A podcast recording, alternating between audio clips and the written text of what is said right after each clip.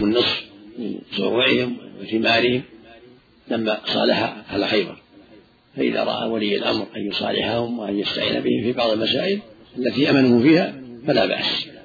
وكما جاء في الحديث أن المسلمين في آخر الزمان يستعينون بجند من النصارى على عدو آخر. يستعينون بجند من الروم على عدو لهم آخر يساعدونهم في قتالهم. فالحاصل أن المشركين لا يستعان بهم إذا خيف شرهم. أما أو رجي إسلامهم فأما إذا لم يخف شرهم واحتيج إليهم فلا بأس أن يستعان بهم في أمور المسلمين التي ليس فيها خطر على المسلمين بل فيها مصلحة للمسلمين وفق الله جميعا.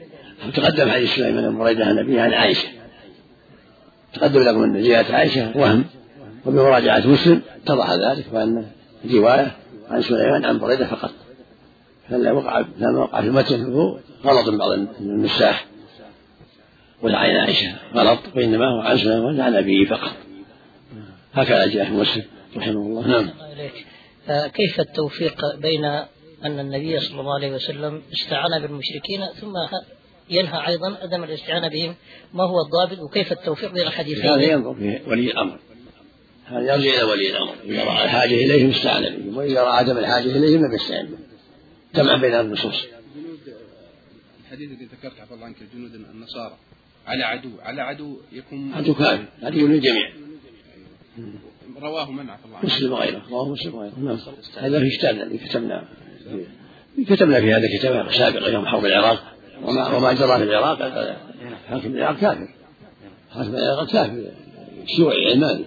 ولهذا استعانت الدولة بالكفار عليهم وهزمهم الله وكفى الله شرهم. لا الدولة كافرة الدولة كافرة دولة العراق كافرة نعم. الحكم على الدولة. اللي تقاتل المسلمين وهي كافرة. هل يأثم المسلم بأن يقاتل تحت دولة تحت شعار دولة كافرة؟ نعم. يأثم. لو تترس العدو بالأسارة من المسلمين. لو تترس العدو بالأسارة من المسلمين. يرمى العدو ولا يقصد الترس وإذا أصيبوا فلا حرج. دفعا على المسلمين. كذلك لو تترسوا بصبيانهم من باب أولى. إذا دعت الحاجة إلى مثل ما قصد هم منهم. إذا لم يمكن قتالهم إلا بقتال نسائهم وصبيانهم هم منهم. لكن إذا أمكن فصل النساء عنهم والأولاد فلا بأس. هل المقاتلين تأخير الصلاة عن أوقاتها؟ أو يقال صلوا على حسب حال؟ لهم التأخير إذا رأى مصلحة لهم التأخير يوم الأحزاب يوم الأحزاب تأخر النبي صلى الله عليه وسلم حتى صلى بعد المغرب. والصحابة في قتال تستر لما حاصروا تستر أخروا الفجر إلى الضحى. لما اشتبك القتال وقت الفجر أخروها. قال أنس فما أحب أن لي بها كذا وكذا. رضي الله عنه ما نسخ هذا بصلاة الخوف صلى الله عليه لا ما نسخ. هم منسوخ الصواب إنه غير منسوخ. نعم. صلى الله عليك. رجل عنده زكاة يقول هل أخرج من الزكاة تفصيل للصوام لا لا الفقراء الصوام فيهم الغني وفيهم الفقير يعطيها الفقراء لا يعطيها الصوام الذي ثبت عن الرسول في الاستعانة يعني يهود خيبر فقط. كان خيبر وفي غيره. في الحديث قلنا لكم سوف تقاتلون عدو أنتم عدو من غيركم. أنتم صلى الله عليه وسلم. استعانته بصفوان بن أمية ثابت الله يوم حنين. نعم. صفوان بن كذلك استعان بدروع منه. عندكم في كتابنا في المطبوع كل هذه مكتوبة أحسن الله إليك. نعم. عندما النبي خرج من مكة ومتجها إلى المدينة الذي كان. الذي كان معه مشرك أو مسلم مسلم دليل مشرك دليل مشرك نعم نعم بارك الله فيك هو الدليل لأنه كان مأمون فاستعان به النبي صلى الله عليه وسلم دليلا خريتا نعم صلى الله عليك قول انس ان أكثر صلاه النبي صلى الله عليه وسلم عن يمين قول ابن مسعود أكثر صلاه النبي عن هذا مو واسع هذا مو ما المقصود بالانصراف؟ انصراف انصراف إذا انصرف يعطيهم وجهه يعني يلتفت بجملة على اليمين والشمال كلها على مر واسع أو عند تحوله. على مر. ماشي مستقل ولا في مجلة نشر كتاب الفتاوى. عفى الله. في 11 مجلد هذه ما شاء الله. 11 مجلد حديث مثل نعم. صحيح. بأس وعن ابن عمر رضي الله عنهما أن النبي صلى الله عليه وسلم رأى, رأى امرأة مقتولة في بعض مغازيه فأنكر قتل النساء والصبيان. متفق عليه. وعن سمرة رضي الله عنه قال قال رسول الله صلى الله عليه وسلم وعن سمرة رضي الله عنه قال قال رسول الله صلى الله عليه وسلم اقتلوا شيوخ المشركين واستبقوا شرقه شرقهم. رواه أبو داود وصححه الترمذي. وعن علي رضي الله عنه أنهم تبارزوا يوم بدر. رواه البخاري وأخرجه أبو داود مطولا. وعن أبي أيوب رضي الله عنه قال إنما أنزلت هذه الآية فينا معشر الأنصار. يعني قوله تعالى ولا تلقوا بأيديكم إلى التهلكة. قاله ردا على من أنكر على من حمل على صف الروم حتى دخل فيهم. رواه الثلاثة وصححه الترمذي وابن حبان والحاكم. بسم الله الرحمن الرحيم. الحمد لله. صلى الله وسلم على رسول الله وعلى آله وأصحابه ومن اهتدى بهداه. أما بعد هذه الأحاديث الأربعة كلها تتعلق بالجهاد. الحديث الأول يقول صلى الله عليه وسلم يقول ابن عمر رضي الله عنه أن الرسول رأى امرأة مقتولة في بعض مغازيه فأنكر قتل النساء والصبيان. هذا يدل على لا يجوز الجهاد قتل الصبيان دون البلوغ ولا النساء لأنهن ليسوا من أهل القتال. هذا هو الغالب عليهم ليسوا من أهل القتال. فعلى المجاهدين أن يتجنبوا قتل النساء والصبيان. إلا إذا قاتلوا. إذا قتل النساء مع, الناس أو الصبيان قتلوا. وهكذا إذا أغار المسلمون على البلد أو على الجماعة ووصفوا من نسائهم وذرياتهم فلا حرج. لأنهم تبعا لهم كما تقدم في الحديث عن الدار بن قال هم هم منهم. وكما في حديث الصالح بن أن النبي غار على من وصفهم غاروا فقتل المقاتلات وسبع ذريتهم. فالمقصود أن النساء والصبيان لا يجوز قتلهم. تقدم في حديث بريدة ولا تقتلوا وليدا ومر على امرأة مقتولة فقال ما كانت هذه لتقاتل يقول صلى الله عليه وسلم. لكن متى قاتلت أو قاتل الصبي أو قاتل الشيخ الكبير قتل مع جماعته. كذلك حديث. شيوخ المشركين واستقوا شرخهم شيوخهم يعني إذا يعني إذا كانوا من القتال. الشرخ يعني الصغار لمن بعد بلغوا. لا يقتلون كما تقدم. أما الشيوخ إذا كانوا يقاتلون أو يشيرون بالرأي يقتلون. أما إذا كانوا لا شيوخ هل شيخ هرم وهو من أهل القتال ولا يقاتل ولا يشير ولا يتعرض له بالقتل كالصبي الصغير. الحديث سأل إيش؟ كذلك حديث أيوب وهذا حديث علي رضي الله عنه تبارزوا بدر. علي رضي الله عنه جاء حمزة عمه وعبيدة بن الحارث المطلبي بارزوا يوم بدر. عتبة بن ربيعة شيبة بن ربيعة وليد بن عتبة. وذلك أنه لما صاف الناس يوم بدر صف المشركون وصف المسلمون. للقتال تقدم عتبة بن ربيعة. وكان من كبار قريش ومن شيوخهم وأهل الرأي فيهم. وتقدم معه شيبة أخوه وتقدم معهم ولد ولد عتبة الوليد بن عتبة ثلاثة. فقالوا من يبارز؟ خاطبون جماعة المسلمين صف المسلمين من يبارز؟ فتقدم لهم ثلاثة من الأنصار. قال من أنتم؟ فقالوا نحن من الأنصار. فقال لهم عتبة وصاحباه أكفاء كرام نريد من قومنا نريد من قريش. ما نريد منكم أنتم. فبلغوا النبي صلى الله عليه وسلم قولهم فقال النبي قم يا قم يا علي وقم يا عبيدة وقم يا حمزة. من القوم بارزهم فقام علي وحمزة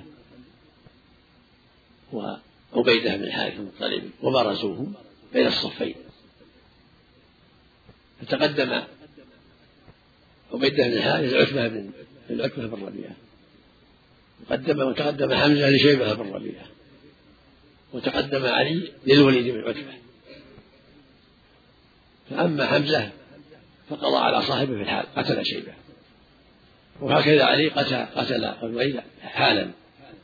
أعانهم الله عليهم وقتلهما. أما عتبة بن ربيعة وعبيدة بن هاني فاختلفا ضربتين. كل واحد ضرب صاحبه فسقط عتبة وسقط عبيدة كل واحد سقط. فأتى علي وحمزة إلى عتبة فذبحها تمم عليه وقتله. ونقل عبيدة إلى صف المسلمين وهو جريح. وبعد مضي ثلاثة أيام توفي عبيدة رضي الله عنه شهيدا. هذا يدل على جواز المبارزة وأن لا حرج فيها لأن الرسول أذن فيها. فإذا تقدم بعض الكفار يقول من يبارز؟ فلا بأس يتقدم إليه من المسلمين. من يرى في نفسه الكفاءة يتقدم للمبارزة ويسأل ربه العون. ولا حرج في ذلك. أما الحديث الرابع حديث أبي أيوب الأنصاري خالد بن زيد الأنصاري كانوا في غزو الروم. فسمع يقول سمع شخصا يستنكر على من يبارز من يدخل صف الروم. قال إن هذا إقام بين التهلكة الله يقول ولا تلقوا بأيديهم التهلكة يعني معناه إنكار أنك لا تقدم إلى صف الروم ولا ولا تبارز ولا تخاطر فأنكر عليه أبو أيوب. قال هذا مو مخاطرة كون يتقدم القتال أو يبارز ليس من من من قبيل التهلكة إنما نزلت فينا الآية. وهي قوله جل وعلا ولا تلقوا بأيديهم التهلكة وأنفقوا في سبيل الله ولا تلقوا بأيديهم التهلكة ونزلت فينا معشر الأنصار لما فتح الله الفتوح. واتسع الإسلام تحدثنا في بيننا أن ندع القتال نبقى في مزارعنا وأهلينا. لما فتح الله مكة ودخل الناس في دين الله يتحدثوا فأنزل الله الآية وأنفقوا في سبيل الله ولا تلقوا بها إلى التهلكة بمعنى أن ترك القتال هو التهلكة.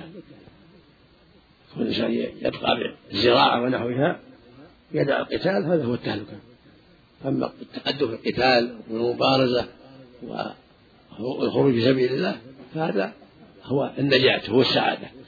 كما قال الله تعالى يا أيها الذين آمنوا هل أدلكم على تجارة تنجيكم من عذاب أليم؟ تؤمنون بالله ورسوله وتجاهدون سبيل الله بأموالكم وأنفسكم. ذلكم خير لكم إن كنتم تعلمون. هذا هو الخير. هذا هو التقدم إلى الخير وليس إلقاء بيده التهمة وإنما التهلكة الرضا بالأموال والشهوات والتخلف عن القتال.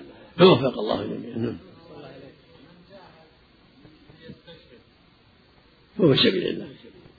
فهو في سبيل الله. نعم. المبارزة هل يشترط لها إذن الأمير؟ نعم. المبارزة هل يشترط لها إذن الأمير أحسن الله إليك؟ ما أعلم. ما أعلم في هذا. أقول ما أعلم لها شرط. إذا وجد من نفسه الكفاءة فلا بأس. نعم. نعم. ولا تلقوا بأيديكم إلى التهلكة. هذا السبب الذي ذكر حفظك الله يمنع العموم ولا ما يمنع؟ كل ما كان في تهلكة يكون يطب من السطح يقول أنا جيد بطب من السطح ولا بطب من الجبل ولا بطب في البيت؟ هذا تهلكة محرمات. إيه، إيه. كذلك يوقع في المعاصي والشرور هذا نعم. يعني الذين هم من أهل القتال يعني. الشيوخ اللي من أهل القتال يعني. نعم. الذين شاركوا في القتال. إذا كانوا أهل قوة ليسوا هارمين ما ليسوا من القتال لا يتعرض لهم إلا إذا شاركوا الناس وقاتلوا أو أو أشاروا يقتلون أما إذا يدوروا في محلات وهم شيوخ هارمين لا. أحسن الله المرأة إذا قاتلت فقتلت مع المسلمين. يكون لها أجر شهيد إذا قاتلت مع المسلمين؟ لا تقاتل مع المسلمين ليس عليها قتال. لكن إذا قاتلت كافرة تقتل إذا قاتلت كافرة. ثم المسألة المرأة لا تقاتل. تمنع. مر ما بنفسه على حصن العدو. نزل تجربة المسلمين وتشجيعهم على القتال وما شابه ذلك ألا يفرق بين غلبة الظن وعدمها صلى الله عليه إذا رأى من نفسه أنه إن شاء الله يقوى على هذا الشيء لا يقدم إلا إذا رأى من نفسه القدرة على الشيء. نعم. نعم. الرسول صلى الله عليه وسلم عندما رأى المرأة مقتولة في أي غزوة؟ صلى الله عليه وسلم. الله أعلم. ما أعرف شيء نعم. صلى الله عليه نعم. قام حج على شخص بأن ذكر له دليل من الكتاب والسنة مثل إذا كان قبوريا أو لابد أنه يطمئن إلى علمه وثقته فيه أحسن الله إليك. لا إذا حد لا حتى يطمئن. إذا إذا أيضا الدليل قال الله تعالى فلا مع الله أحدا قال الله تعالى وما أمروا إلا يعبدوا الله مخلصين له الدين حنافا تتلو عليه الآيات. يعني بمجرد أن يذكر له أي شخص دليل من الكتاب والسنة تتلو عليه الآيات حتى يطمئن. حتى يطمئن. عن الله عليه حتى يعني تقم على الحجة. ولا مطمئن. تقم عليها الحجة. الرجل إذا أصيب بغيبوبة لفترة هل له حد ضابط معين إذا تعداه ما يؤمر بقضاء الصلاة؟ يعني قصدك إذا أغمي عليه. إذا إذا تعدى هذا الحد ما يؤمر بقضاء الصلاة. أحسن ما قيل ثلاثة أيام. وبعضها لم يوم واحد يكفي ولكن أحسن ما قيل ثلاثة أيام. إذا أغمي عليه ثلاثة أيام يقضي. إن كان أكثر لا يقضي. كالمجنون. وما ثلاثة فأقل يشبه النوم. إذا وعى وعافاه الله يقضي إذا دخل والإمام في التشهد الأخير ينتظر حتى يسلم ويصلي معه أو يدخل معه. لا أحسن يدخل معه. لعموم قوله صلى الله عليه وسلم ما أدركتم فصلوا وما فاتكم فأتموا متفق عليه هل يعتبر له أجر الجماعة؟ لا أجر الجماعة تفوت ما يدرك إلا ركعة ما يدرك الصلاة إلا ركعة يقول النبي صلى الله عليه وسلم من أدرك ركعة من الصلاة فقد أدرك الصلاة. كان يعلم في ناس يتوضون بيجون يلحقونه لا يدخل مع الناس مثل ما قال صلى الله عليه وسلم.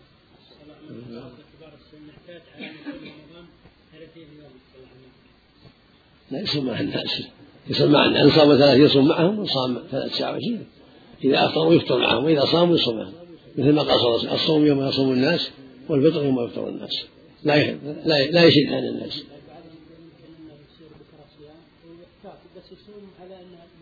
يعلم ما يجوز. لا يتقدم ولا يتأخر. مع المسلمين. الفطر يوم يفطر الناس والصوم يوم يصوم الناس. أكثركم أجرا أقلكم عيادا ما ما بلغني ما أعرف. الأشجار التي تسقى بمياه المجارح صلى الله عليه يخرج منها ثمار هل هي طاهرة بنجسة؟ إذا كان ما فيها نجاسة لا ريح ولا طعم ولا لون لا بأس. وعن ابن عمر رضي الله عنهما قال حرق رسول الله صلى الله عليه وسلم نخل بني النضير وقطعه. متفق عليه. وعن عبادة بن الصامت رضي الله عنه قال قال رسول الله صلى الله عليه وسلم لا تغلوا فإن الغلول نار وعار على أصحابه في الدنيا والآخرة. رواه أحمد والنسائي وصححه ابن حبان. وعن عوف بن مالك رضي الله عنه أن النبي صلى الله عليه وسلم قضى بالسلب للقاتل. رواه أبو داود وأصله عند مسلم.